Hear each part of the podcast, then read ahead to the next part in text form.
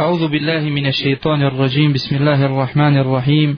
الحمد لله رب العالمين والصلاة والسلام أتمان أكملان على أشرف الخلق نبينا محمد وعلى آله وعلى آله وأصحابه ومن تبعهم بإحسان إلى يوم الدين. ثم أما بعد. زهولا pripada uzvišenom Allahu subhanahu wa ta'ala.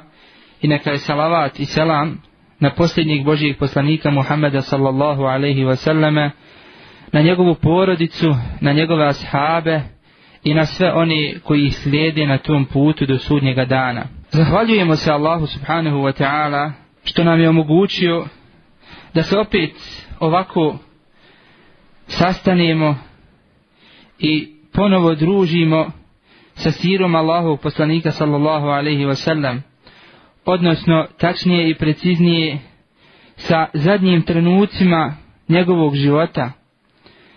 Družili, se, družili smo se kroz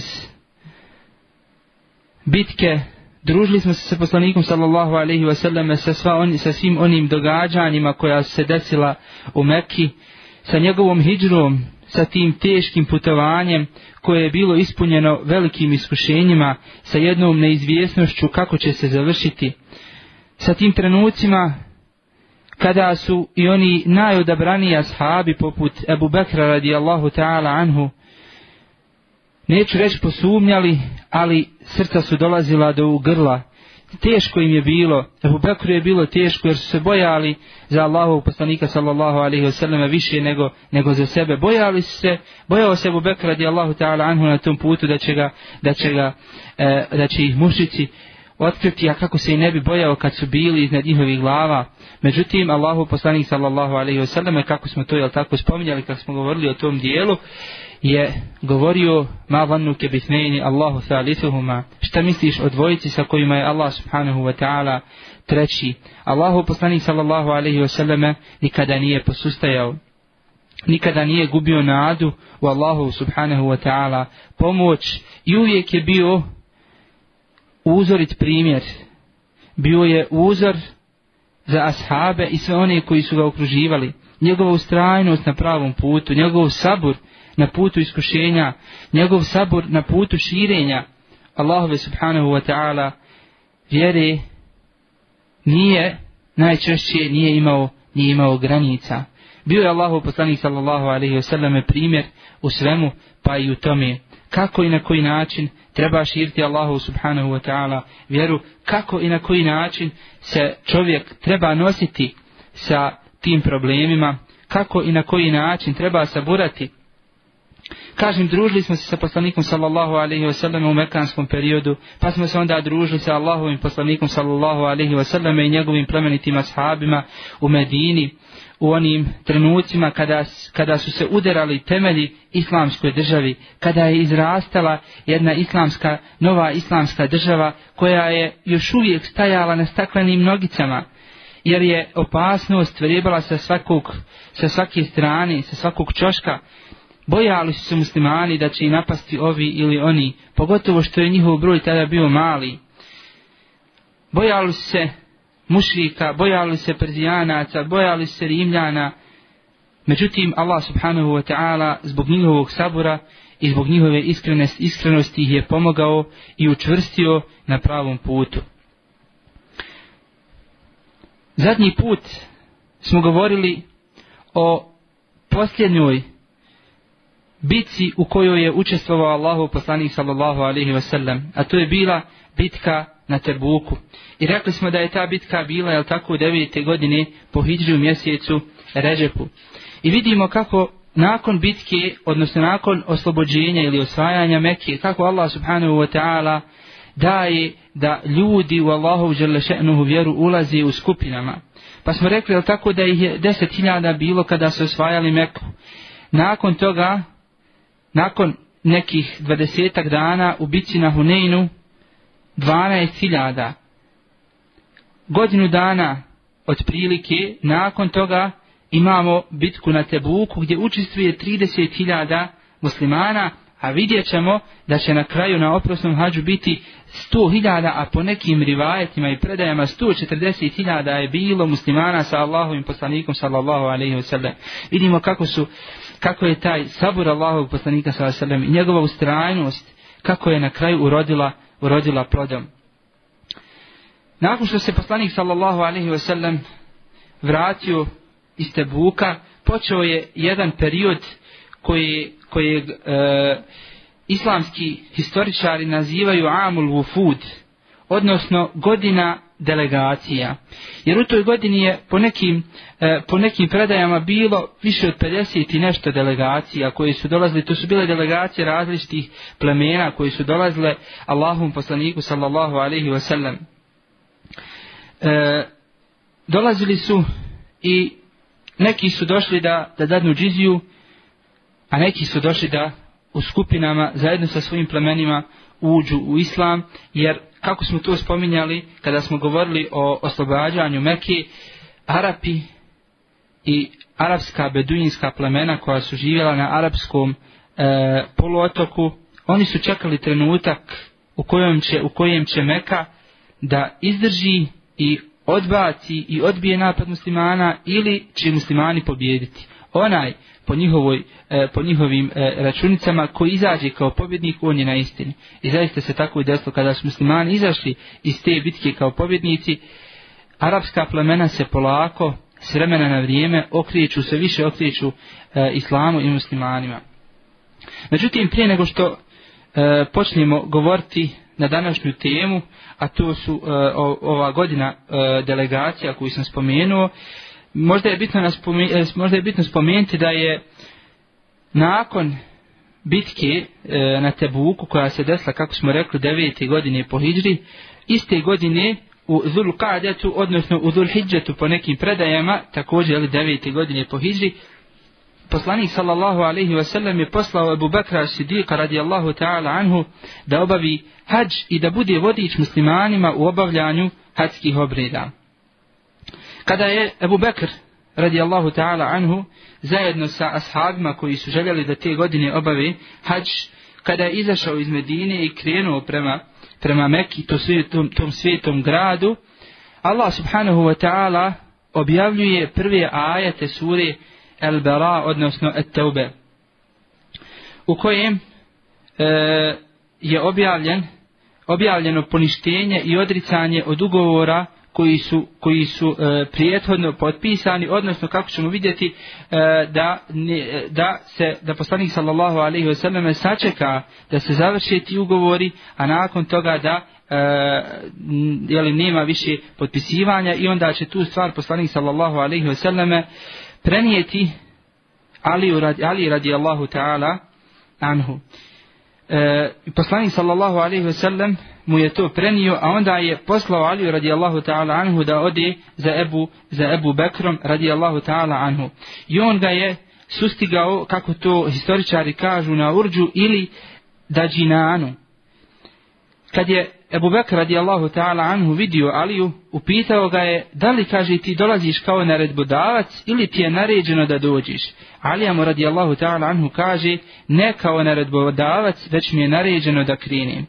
Zatim su put nastavili zajedno, a Ebu Bekr je predvodio hađske obrede do klanja, do klanja žrtve, to jeste do klanja kurbana. To jeste prvi dan kada se baca džemratu lakabe, el ula, el kubra, kada se bacaju kamenčići, do tog dana, znači Ebu Bekr je predvodio muslimane i muslimani su gledali kako tu Ebu Bekr normalno po uputama Allahu poslanika sallallahu alaihi wasallame, obavlja hađ, obavlja ti hađske propise, a nakon toga su uh, i oni slijedili, znači Ebu Bekra u tim propisima. Kažem, kada je bio dan žrtve, dan klanja kurbana, dan bacanja kamenčića na veliko džemre, onda je radi, uh, Alija radijallahu ta'ala anhu ustao i obznanio ljudi, ljudima naredbu kojom ga je zadužio Resul sallallahu alaihi ve sellem. On je odredio rok svakom plemenu, učesniku ugovoru, da se može bezbjedno vratiti kući sa hađa. Zatim rok je bio ograničen na četiri mjeseca za njih, a također četiri mjeseca i za one koji nisu učesnici ugovora. A za one koji su pod ugovorom, a nisu nanijeli muslimanima nikakvu štetu ili zlo, a nisu nikoga pomagali u neprijateljstvu protiv muslimana, ostavio je rok koji je dogovoren sa Rasulom sallallahu alaihi wasallam. Kada je Ali radijallahu ta'ala anhu ovo e, obznanio i raširio ovu vijest među ljudima, Ebu Bekr radijallahu ta'ala anhu je razaslao telale među ljudima da im, da im obznani sljedeći. Prvo, rekao im je, poslije ove godine na hađ neće, neće dolaziti nevjernik i niko oko Kabe ne smije tavafiti ne, neodjeven. Jer poznato nam je da su Arapi u predislamsko doba, to im je bio običaj i na taj način su oni upražnjavali svoje ibadete, da su e, nagi, znači goli su tavafili oko Kabe. I Allahu poslanik sallallahu alaihi wasallam je to zabranio i onda je, kažem, u Bekr poslao svoje talale da obznani tu stvar Arapima koji su bili tada na, na hađu i tako da bi se jeli nakon izvjesnog vremena ta vijest raširila po čitavom arapskom poluotoku. Dalje, ako pogledamo kako su se bitke odvijale, vidjet ćemo da, je, da će ova godina delegacija ili amul ufud doći kao plod e, mudrih poteza Allahovog poslanika sallallahu alaihi wasallame. Jer njegova vojna sposobnost je došla do izražaja e, u svim bitkama. Znao je odabrati uvijek najbolja i najsigurnija mjesta za prve borbene linije. Znao je izabrati najbolju taktiku i metodu ratovanja sa e, dotičnim neprijateljem. Zatim svaki put bi potvrdio da ima posebnu metodu i način ratovanja kakvu do tada niko nije poznavao i nije je poznavao niti jedan vojskovađa velikih svjetskih sila. Zbog ove mudrosti Allahu poslanika sallallahu alaihi wasallam vidjet ćemo i tu ćemo sada spomenuti, e, pokušat ćemo nabrojati samo neke, neke delegacije koje su dolazile Allahom poslaniku sallallahu alaihi wasallam, e, dolazile su kod njega i prihvatile su, vidjet ćemo na koji način su prihvatali islam i ulazili u ovu vjeru u skupinama. Spomenuli smo da je broj delegacija koji je došao Allahom poslaniku sallallahu alaihi selleme po nekim predajama bio 50, a po nekim e, neki historičar navodi da je broj tih delegacija koji su te godine došli do, došli do poslanika sallallahu alaihi selleme bio oko 70 delegacija. Mi ćemo ove prilike spomenuti samo neke radi, radi opće koristi i da vidimo na koji način je poslanik sallallahu alaihi wasallam raspravljao sa njima, odnosno na koji način ih je pozivao u Allahu subhanahu wa ta'ala vjeru, šta su to njihovi, njihova opravdanja bila, da pokušamo izvući imi neku e, pouku i poruku iz tih događaja kako bi se okoristili u svom svakodnevnom životu, kako bi se okoristili, a zbog toga na kraju krajeva jeli, izučavamo siru Allahu poslanika sallallahu alaihi ne radi informacija, ne radi toga da znamo koliko je bilo učesnika u bici na Uhudu, da, da znamo koliko je bilo učesnika u bici na Huneinu, da znamo ko je prvi napao, da ne da znamo e, kad se desila bitka na Tebuku i tako dalje i tako dalje, mada i tije su nam informacije bitne radi, e, radi toga kako bi sačuvali historiju muslimana, međutim prvenstveno kada izučavamo siru Allahovog poslanika sallallahu alaihi wa selleme i kada se družimo sa svim ovim e, svijetlim primjerima prvih generacija, prvenstveno nam treba da bude cilj da kada slušamo šta se to e, dešavalo i kako se e, kako se odvijala situacija prvenstveno treba da nam bude cilj da izvučemo pouku iz toga da vidimo kako bi se mi postavili u toj situaciji da li bi postupili kako je isto onako kako je postupio taj i taj ashab da li bi se postavili e, da li bi e, na, na ružan postupak i na ružnu riječ uzvratili lijepom riječu kao što je to radio poslanik sallallahu alaihi wasallame, da li bi opravdanje i prihvatanje islama i izvinjenje čovjeka koji nas je zijetio deset godina tako e, širokogrudno i bez imalo sustezanja i teškoće i tjeskobi u svojim srcima prihvatili kako je to prihvatio Allahu poslanik sallallahu alaihi selleme u tome se, u tome se ogleda veličina Allahu poslanika sallallahu alaihi selleme sjećam se jednog profesora dok sam studirao na Islamskom univerzitetu u Medini, bili smo kod njega na predavanjima i imao nam je običaj držati predavanje upravo iz Sirije. Volio je govoriti, govoriti o Allahovom poslaniku sallallahu alaihi sallam. Volio je govoriti o ashabima. I onda iz tih priča e, s vremena na vrijeme kako govori o kojem događaja izvlačiti pouke i e, približavati nam te mudrosti i te postupke Allahu poslanika sallallahu alaihi sallam kako bi shvatili i spoznali veličinu Allahovog miljenika Muhammeda sallallahu alaihi sallam. Pa kaže nam jedne prilike, radili smo hadis od Enesa radijallahu ta'ala anhu, u kojem kaže služio sam Allahog poslanika sallallahu alaihi wa sallame deset godina. A inače Enes radijallahu ta'ala anhu je majka dovela dok je bio mali, bio je dječačić. I majka ga je dovela do Allahu poslanika sallallahu alaihi wasallame i rekla Allahom poslaniku alaihi salatu wa o Allahu poslaniće, evo ti ovo moje dijete, ovaj komad moga srca, komad moje duše, evo ti ga, poklanjam ti ga kako bi te služio i kako bi ti bio na usluzi. I Enes ostaje deset godina kod Allahovog poslanika sallallahu alaihi ve selleme i služi ga. Kaže, služio sam Allahovog poslanika sallallahu alaihi ve selleme deset godina. Nikada mi nije rekao za ono što sam uradio, što si to uradio. Niti mi je kad za ono što nisam uradio rekao zašto to nisi uradio. I onda nam kaže ovaj profesor, kaže, evo stavite vi sami sebe na, na jedan ispit. Pa pokušajte, ako ništa sa onim svojim najbližim, nećemo reći sa svojim djetetom, jer svako od nas će naći onda opravdanje pa kaže, to je moje dijete, to je, e, još uvijek je on mlad, pa pogriješi, pa ovako, pa nako, pa ja mogu na njega izagalamti, ne, nego haj kaže, pokušajte sa svojim suprugama, sa svojim ženama, sa svojim hanumama, pokušajte sedam dana da svojoj ženi ne kažeš za ono što je uradila, što si uradila, a za ono što nije uradila, zašto to nisi uradila.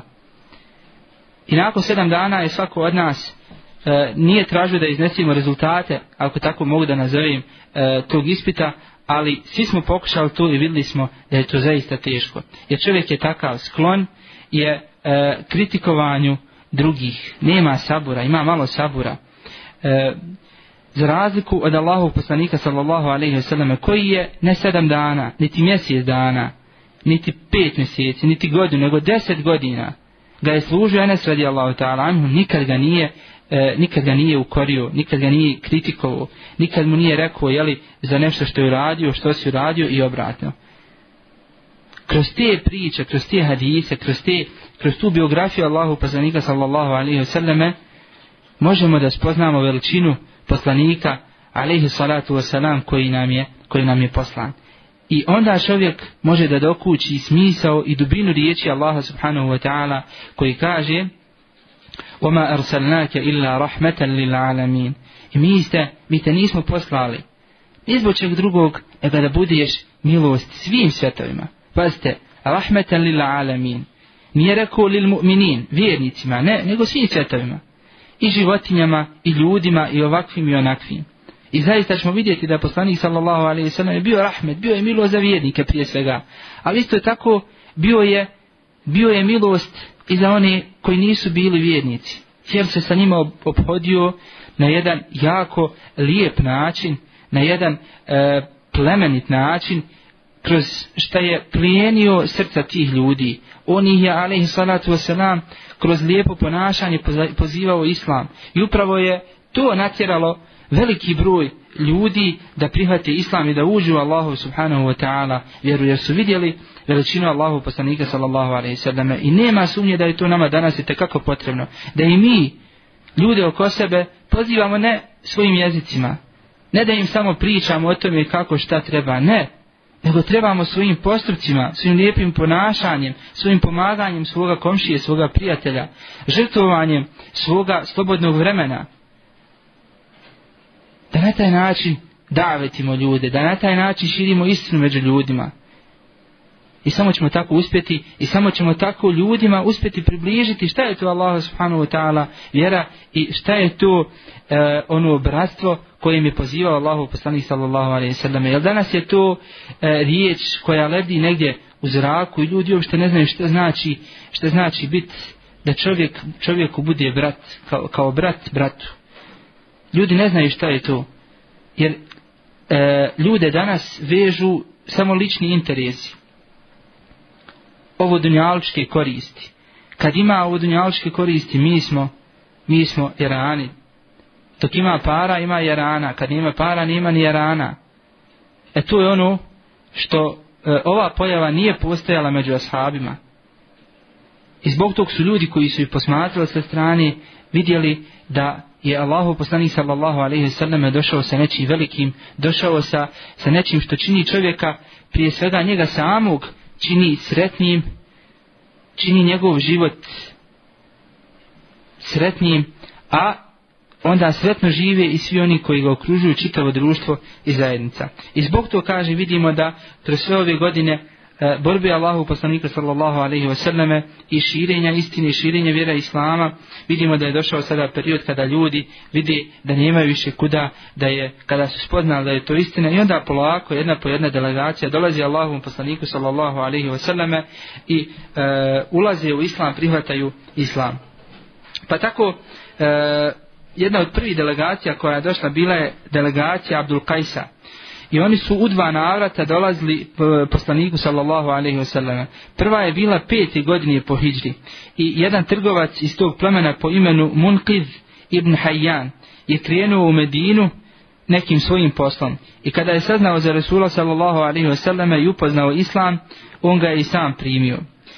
Zatim je Zatim se on u svoje pleme vratio sa Resulovim sallallahu alaihi wasallam pismom u kojem ih poziva da prihvate Allahovu subhanahu wa ta'ala vjeru i oni su to zaista učinili. I u svetom mjesecu je kod Resula sallallahu alaihi wasallam došlo 13 ili 14 njihovih ljudi da nauči šta je Islam, a šta je iman, šta je dozvoljeno, a šta je zabranjeno. Za jednog od njih je poslanik sallallahu alaihi wasallam rekao da on ima jedno svojstvo koje Allah subhanahu wa ta'ala voli, a to je, to je blagost. Pa onda on kaže Allahu poslanik sallallahu alaihi kaže u Boži poslaniće, jesam li ja to stekao ili Allah želešanuhu tako stvorio. Pa kaže poslanik sallallahu alaihi kaže tebe Allah želešanuhu tako, tako stvorio. Znači stvorio ga Allah subhanahu wa ta'ala blago, pa on kaže hvala Allahu koji me stvorio blagim. I druga delegacija dolazi upravo u ovoj godini, e, godini delegacija, Amul Ufud, e, devete godine i ona je brojala 40 ljudi. E, među njima je, kako to spominju e, historičar, bio Džarud ibn Alai al-Abdi, koji je bio kršćanin i primio islam i kako oni spominju e, nakon toga što je prihvatio islam i ušao u Allahu subhanahu wa ta'ala vjeru bio je od onih iskrenih vjernika koji, su, koji se nisu, nisu žalili e, na, na to što su prihvatili islam naprotiv žrtvovali su se svakodnevno se žrtvovali na put širenja islama. Zatim e, druga delegacija je bila delegacija Dusa i ona je e, došla od prilike početkom sedme godine hijđetske došla je u Medinu a tada je Resul sallallahu alaihi wasallam bio u Hajberu. I onda su ostali su jeli e, tu u Medini jedan izvestan period, a sa njima je bio poznati e, uh, Tufail ibn Amir. Ostali su tu prihvatili islam, jedini Tufail ibn Amir nije, nije, onaj, nije prihvatio islam, nego tek neka tamo poslije. Zatim sljedeća delegacija koja je došla do poslanika sallallahu alaihi wasallame jeste delegacija poznatog arapskog pjesnika Kaaba ibn Zuhaira ibn Ebi Selma. To je bio jedan poznati e, arapski pjesnik možda jedan najugledniji arapski pjesnik koji je čitavo vrijeme poslanstva Allahu poslanika Muhammeda sallallahu alaihi wasallame to svoje pjesništvo koristio u borbi protiv Islama, koristio ga je u borbi protiv Allahov poslanika sallallahu alaihi wasallame. Nije žalio ni vrijeme, ni novac, ni trud da vrijeđa muslimane. I e, kada, je, kada se Rasul sallallahu alaihi wasallame vratio iz Taifa, osmi godine po Hidžri, Kab ibn Zuhair, taj poznati pjesnik, je dobio pismo od svog brata Begira ibn Zuhaira u kojem ga obavještava da Resul sallallahu alaihi sallam da je e, ubio u Mekki neke pjesnike koji su ga svojim vjesmama okaljali. Pa ga onda brat poziva i kaže im ako voliš svoj život otiđi kod Resula sallallahu alaihi sallam izvini se jer on nije nikog ubio koji je došao sa tom namjerom. Ako nećeš, spašavaj se kako znaš. Zbog toga ovaj poznati pjesnik Kabi ibn Zuhair odlučuje da krene da krene u Medinu. U Medinu, kada je stigao u Medinu, odsjeo je kod nekog džuhejna. S njim je, kako kažu historičari, klanjao u mesčidu sabah namaz, pa ga ovaj uputi na poslanika sallallahu alaihi wasallam. S obzirom da je poslanik sallallahu alaihi wasallam čuo za njega i čuje njegove pjesme i čuje njegovo vrijeđanje islama i, i same ličnosti Allahu poslanika alaihi salatu wasallam, Dosta toga je čuo, međutim nikad ga nije vidio. Tako da Ka'b ibn Zuhair je to znao i prišao je poslaniku sallallahu alaihi wasallam i rekao mu, o Allahu poslaniće, Ka'b ibn Zuhair je došao kao pokajnik i musliman da traži od tebe zaštitu. Da li bi ti primio od njega izvinjenje? Ako bi, ako bi, ja bi ga kaže doveo pre tebe. A onda poslanik sallallahu alaihi wasallam ne gleda na to što ga je taj čovjek, što ga je taj pjesnik čitavo to vrijeme vrijeđao i napadao i omalovažavao, nego gleda na e, konačnu korist tog čovjeka, gleda u njegov ulazak u islam, gleda u vječnost koja ga čeka na ahiretu, želi mu sretan kraj, želi mu džennet, ne želi mu vatru. I spreman je da radi sreće druge osobe prijeđe preko svega onog što mu je, što mu je taj čovjek uradio. Pa kaže mu onda poslanik sallallahu alaihi sallam da, spreman sam da prihvatim njegovo pokajanje i izvinjenje. A onda Kab reče, kaže, ja sam Kab ibn Zuhair. U tom trenutku jedan ensarija skoči i zatraži od Resula sallallahu alaihi wasallam da ubije Kab ibn Zuhaira. Međutim, e, Resul sallallahu alaihi wasallam mu kaže, ostavi ga na miru, on je došao spreman da odbaci svoj raniji način života i da se, i da se pokaje. Onda je, kako prenosi historičari, Kab ibn Zuhair, e, spjevao u tom trenutku mešću dok su bili spjevao jednu pjesmu o poslaniku sallallahu alaihi wasallame gdje hvali sve njegove plemenite osobine gdje spominje i ovog ensariju koji je skočio na njega. Međutim poslanik alaihi salatu wasalam nije dozvolio da, e, na, da učini bilo kakvu da učini bilo kakav loš gest prema ke prema Kab ibn Zuhairu. I Kab ibn Zuhair je primio islam i postao kako kako kažu postao dobar vjernik. Kažem pohvalio Ensarije u jednoj svojoj kasidi koju je spjevao i govorio je u njoj je govorio o njihovoj dobroti i njihovoj gostoljubivosti. Zatim sljedeća delegacija koju spominju historičari da je bila jeste delegacija Sekifa. Ona je došla u Medinu u mjesecu Ramazanu devete godine po Hidždi nakon povratka e, znači prilike odma nakon povratka Resula sallallahu alaihi wasallame sa bitke na Tebuku. Poglavar plemena Sekifa bio je Urve, Urvet ibn Mas'ud al-Thaqafi i on se e, sreo sa poslanikom sallallahu alaihi wasallame prije nego što će se poslanik alaihi salatu wasalam vratiti iz bitke u Taifu. A znamo da je poslanik alaihi salatu wasalam izašao na bitku u Hneinu i onda kada se pleme Thaqif povuklo u svoja utvrđenja u Taifu, poslanik alaihi salatu wasalam ih je okružio i e, bil su, bila jedna blokada koja je trajala, trajala otprilike nekih mjesec dana, međutim s obzirom da su ta njihova utvrđenja bila jaka, imali su dovoljno hrane, muslimani nisu mogli ništa učiniti, e, blokada nije imala svoj ni cilj ni smisao, pa su onda se muslimani povukli i ostavili. I kažem, taj poglavar plemena Thaqif, Urvet ibn Mesud, se sreo sa Rasulom sallallahu alaihi wasallam prilikom njegovog povratka iz bitke u Taifu. Šta se dešava? On prihvata, znači on će prihvatiti islam, međutim, kada su, kada su njegovi e, pristalice ili članovi njegovog plemena saznali za to, oni su ga, oni su ga ubili. Nakon bitke na Tebuku, pleme Sekif je vidjela da se su primijetili da se situacija mijenja, pa su onda zatražili nekoga iz svog plemena da otiđe do poslanika sallallahu alaihi wasallame i da traži od njega da ih, da ih pusti na miru, da im ništa, da im ništa e, ne čini, da ih ne napada. Međutim, s obzirom da je ovaj čovjek koji će poslati Osman ibn As, vidio šta se desilo sa njegovim prethodnikom i je tražio da još neki ljudi idu sa njim, pa su oni to i učinili. Onda su došli poslaniku sallallahu alaihi wasallame sa nekim zahtjevima tražili su od poslanika sallallahu alaihi wasallam e, da im napiše e, propozicije primirja između njega i plemena Saqif. po kojima bi njima bilo do, bio dozvoljen zinalog. Prvo su tražili da im Allahu poslanik sa sebe dozvoli zinalog, zatim pijenje alkoholnih pića, zatim trošenje kamate da im i ovo je isto stojalo u njihovom zahtjevu da im ostavi njihovo e, božanstvo lata da im, da im da popust da ne klanjaju namaz i da ne razbijaju sva božanstva svojim rukama. Znači to su sve bili nekakvi zahtjevi koji su oni mislili da će Allahu poslanik sallallahu alaihi wasallame njima to odobriti. Međutim, Allahu poslanik sallallahu alaihi wasallam im to nije odobrio. Zbog čega su oni osamli jedan izvjestan period i tražili su nekakvo rješenje iz te krize, kako i na koji način da se postave. I onda su skontali da nemaju drugog rješenja nego da jednostavno prihvate uslove koje je postavio Allahu poslanik sallallahu alaihi wasallam, pa su i prihvatili onda taj prijedlog.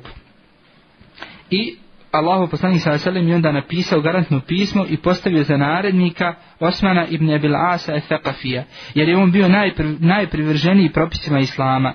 E, kako spominju knjige e, historičari kažu da je on dok su boravili u tom periodu kod poslanika sallallahu alejhi ve po, pošto je poslanik sallallahu alejhi ve sellem razapeo šator, kako tamo kažu, u blizini mesčida, da bi slušali ajete, da bi slušali učenje Kur'ana, da bi slušali predavanja ovaj Uthman ibn Abil, Abil As al-Thaqafi koji je bio među ovom delegacijom koja će doći poslanik sa sallam on se najviše isticao po tome što je pitao poslanika sallallahu alejhi ve selleme pa kada ne bi našao Abu Bakr ne bi našao poslanika alejhi salatu vesselam onda bi ošao do Abu Bekra radijallahu ta'ala anhu. Ako ne bi on njega onda bi išao do drugih ashaba i nastavio na različite načine da stekne što više znanja da se poduči Allahu subhanahu wa ta'ala vjeri. I zbog toga ga je Allahu poslanik alejhi salatu vesselam primijetivši tu njegovu žudnju i e, želju za sticanjem znanja postavio za narednika jeli, jer je bio, kaže, najpodučeniji u vjeri i najbolje je poznavao e, Kur'an. Oni su se, ova delegacija se znači, nakon što su dogovorili i prihvatili sve uslove poslanika sallallahu alaihi wa sallame, vratili su se svom plemenu. I šta se onda dešava? Njihovo pleme kažu, kažu im da poslanik alaihi salatu wa nije prihvatio nijedan njihov zahtjev koji su oni imali. Nije prihvatio to da im dozvoli zinaluk, nije prihvatio to da im dozvoli pijenje alkohola, nije prihvatio to da im odobri da ne klanjaju namaz i tako dalje, nije prihvatio to da ostavi njihova božanstva, nego je naproti sve te njihove zahtjeve e, poništio i e, odbacio. I onda se pleme Saqif malo naljutilo, jer još uvijek je držao onaj džahilijet, arapski džahilijet, beduinski džahilijet, i ponijela ih je nekakva žudnja ili neka žiđa za, za osvetu. Htjeli su da se osvajati osvijeti poslanik sa osvetom, htjeli su da se dignu sa vojskom da napadnu muslimane. Međutim, svjesni situaciju u kojoj se nalazi, svjesni snage muslimana koji su, e, pogotovo tih zadnjih godina, brojčano ojačali, sačekali su nekoliko dana i onda su rekli toj delegaciji koja se vratila od poslanika sa selem, a nije im rekla da su oni prihvatili sve te uslove od poslanika sa selem, rekli su idite vi onda do Allahu poslanika sa selem ponovi nazad i prihvatite sve ono što vam kaže jer vidimo da nemamo drugog izlaza, muslimani su jaki, islam kao vjera se širi, došao je i do naših vrata i nama ne preostaje ništa drugo nego da ili da prihvatimo islam ili da jednostavno izađemo iz naših iz naših tvrđava, iz naših nastamba, da se možda i borimo protiv muslimana, ali znamo kakav će ishod te bitke biti. I onda im ova delegacija kaže da je u stvari ona prihvatila sve ono što je poslanik sallallahu alaihi wa sallame e, tražio, tražio od njih. Nakon toga su znači oni prihvatili, prihvatili islam, ušli su u islam i postali, postali muslimani. Međutim, kao što ćemo vidjeti poslije kada je Abu Bakr radijallahu ta'ala anhu postao halifa, e, njihov islam se nije bio učvrstio u njihovim srcima. Pa su, kada je poslanik alaihi salatu wasalam preselio, odbili su Ebu Bekru radijallahu ta'ala anhu da daju zekat. Pa im je onda ovaj Osman ibn Ebil As Thaqafi rekao im je, o narode moj, o narode Saqifa, bili ste posljednji narod koji je primio islam, pa nemojte biti prvi koji će se odmetnuti od islama. I upravo ove riječi i ovaj poziv koji je dopro do njihovih srca ih je naveo da ne ostavi, da ne izađu iz islama, to jeste da ne odbiju pokornost i poslušnost halifi muslimana Ebu Bakr radijallahu ta'ala anhu, tako da su prihvatili da, e, da daju, da daju zekat. Sljedeća delegacija koja je došla poslaniku sallallahu alaihi wa sallam jeste bila delegacija iz Jemena, odnosno stiglo mu je, tačnije stiglo mu je pismo jemenskih kraljeva zvani Himjer. I napisali su ga Al Haris ibn Abd Kulab, Nuaym ibn Abd Kulab, Nuaym ibn Qail i e, Muafid. Njihov delegat je bio Malik ibn Morate al-Rahawi. I u tom pismu su napisali da su prihvatili islam, a napustili idolopoklonstvo i njihove sledbenike. Zatim im je poslanik sallallahu alaihi wasallam poslao odgovor u kojim ih obavještava šta je dužnost muslimana, to jeste šta im pripada, a šta im je zabranjeno, dao im je Allahu Đerlešanuhu i svoju garanciju da ako budu izvršavali svoju dužnost i plaćali džiziju da će živjeti, da će živjeti sretno i kao muslimani u sigurnosti i zaštiti Allahu poslanika sallallahu alaihi wasallam i potom, je, potom je poslanik sallallahu alaihi wasallam u Jemen poslao svoju E, svog daje, odnosno dvojicu daje, a to su Ebu Musa i Muad ibn Džebel. I ovdje se desila jedna muđiza Allahu poslanika sallallahu alaihi ve selleme, e, a to je da je kada ga je poslao Muad ibn Džebela, kada ga je poslao u, e, u Jemen, prije svega rekao mu je Allahu poslanik sallallahu alejhi ve sellem ja Muad innaka satati qauman min ahli alkitabi falyakun awwala ma tad'uuhum ilayhi šehadetu an la ilaha illa Allah wa anna Muhammeden Rasulullah. Kaže mu poslanik sallallahu sallam, e, o Muaze ti sada dolaziš kod sledbenika knjige. Pa neka prva stvar u kojoj, u kojoj ćeš ih pozivati bude šehadet da nema drugog Boga osim Allaha i da je Muhammed sallallahu alaihi wa sallame njegov rob i njegov poslanik. Pa ako ti se u tome pokori, onda i pozovi da obavljaju pet dnevni namaza koje je Allah Želešanu propisao. Pa ako ti se u tome pokore i ako to prihvati, onda i pozovi e, u to da daju zekat. Znači vidimo, ovdje mu je e, Allahov poslanik sa osrme, prvo mu je rekao kome ide i gdje ide. Znači treba, onaj ko poziva, treba da zna e, kojim se ljudima obraća. To jeste čovjek sa kojim razgovaraš ili skupina ljudi sa kojim razgovaraš i kojim, ili kojima se obraćaš. Trebaš da znaš na kakvom su oni nivou, ko su, šta su. Tako da na taj način ti znaš s koje strane ako uslovno rečeno možeš da im priđeš, na koji ćeš njim način iznijeti istinu. Gdje su, možeš na taj način možeš da pretpostaviš koje su tu njihove sumnje ili njihove šubhe koji ti treba da otkloniš to je prva stvar ili prva mudrost koju možemo da izvučemo iz ovog hadisa. Zatim druga stvar jeste da je poslanik sa seleme rekao mu postepeno, prvo i pozovi ovo, radi na tome, pozivaj, pozivaj. Pa kada ti se odazovu, onda prijeđi na drugi stepen, na to je namaz. Pa kada ti se odazovu u šehadet i u namaz, onda prijeđi na zekat. Pa kada ti se odazovu na, odazovu na taj tvoj poziv, prihvati da daju zekat, e onda idu e, ostali, ostali propisi. Znači ta postepenost, taj tadrđ u vjeri, u pozivu je jako bitan. Da čovjeku ne guraš čitavu jabuku usta, nego da kreneš polako, da ga prvo pozivaš onim temeljima, onom je što je najbitnije i najvažnije, a to je šehadet, an la ilaha illa Allah wa anna Muhammad rasulullah da nema drugog Boga osim Allaha subhanahu wa ta'ala i da je Muhammed sallallahu alaihi sallam njegov rob i njegov poslanik. To su temelji. To je najbitnija stvar u životu čovjeka. To je ono zbog čega je Allahu poslanik sallallahu alaihi wasallam i poslan. To je ono zbog čega je došao. Zbog tog je objavljen Kur'an da vjerujemo samo Allaha i da samo njega subhanahu wa ta'ala obožavamo, da njemu samo ibadet činimo i da mu nikog, nikakvog e, druga ne pripisujemo, da ne činimo širk.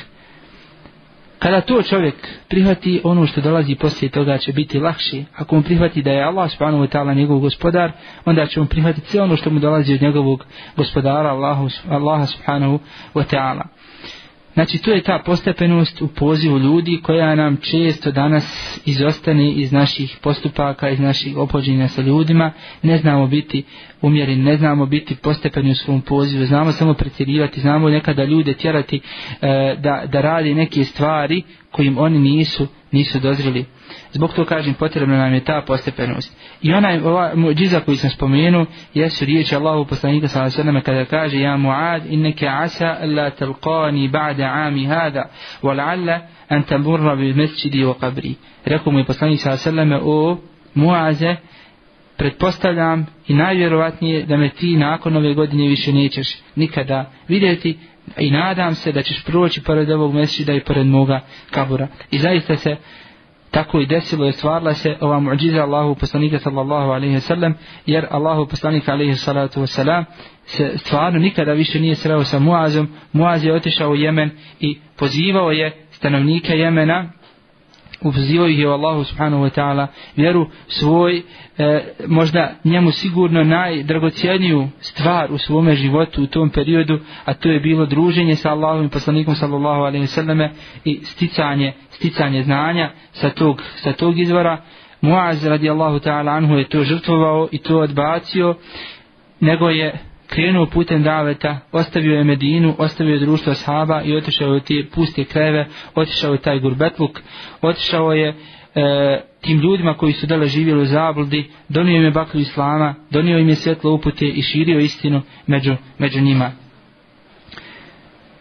To je bilo ukratko ovim Amul Ufud, odnosno ovoj godini delegacija, kada su e, kada su dolazile te delegacije i kada su skupinama prihvatale islam, kažem ti delegacija je bilo e, puno više, bilo je oko 70, međutim e, mi ćemo se zadovoljiti sa ovim kratkim e, spomenom znači jednog dijela tih delegacija, a ako Bog da, nadam se da ćemo u sljedećoj emisiji završiti e, ovaj, e, ovaj krug naših druženja sa Allahovim poslanikom sallallahu alaihi ve selleme još nam preostaje da nešto kažemo o oprosnom hađu na kojem je bilo sa Allahovim poslanikom sallallahu alaihi ve selleme 140 po jednoj predaja, po drugoj 100.000 muslimana i nešto ćemo reći o tome kako je e, to najodabranije biće, najbolji čovjek, najbolje stvorenje, najplemenitiji insan, Allahu poslanik sallallahu alaihi ve selleme ispustio e, svoju plemenitu dušu i otišao svome gospodaru.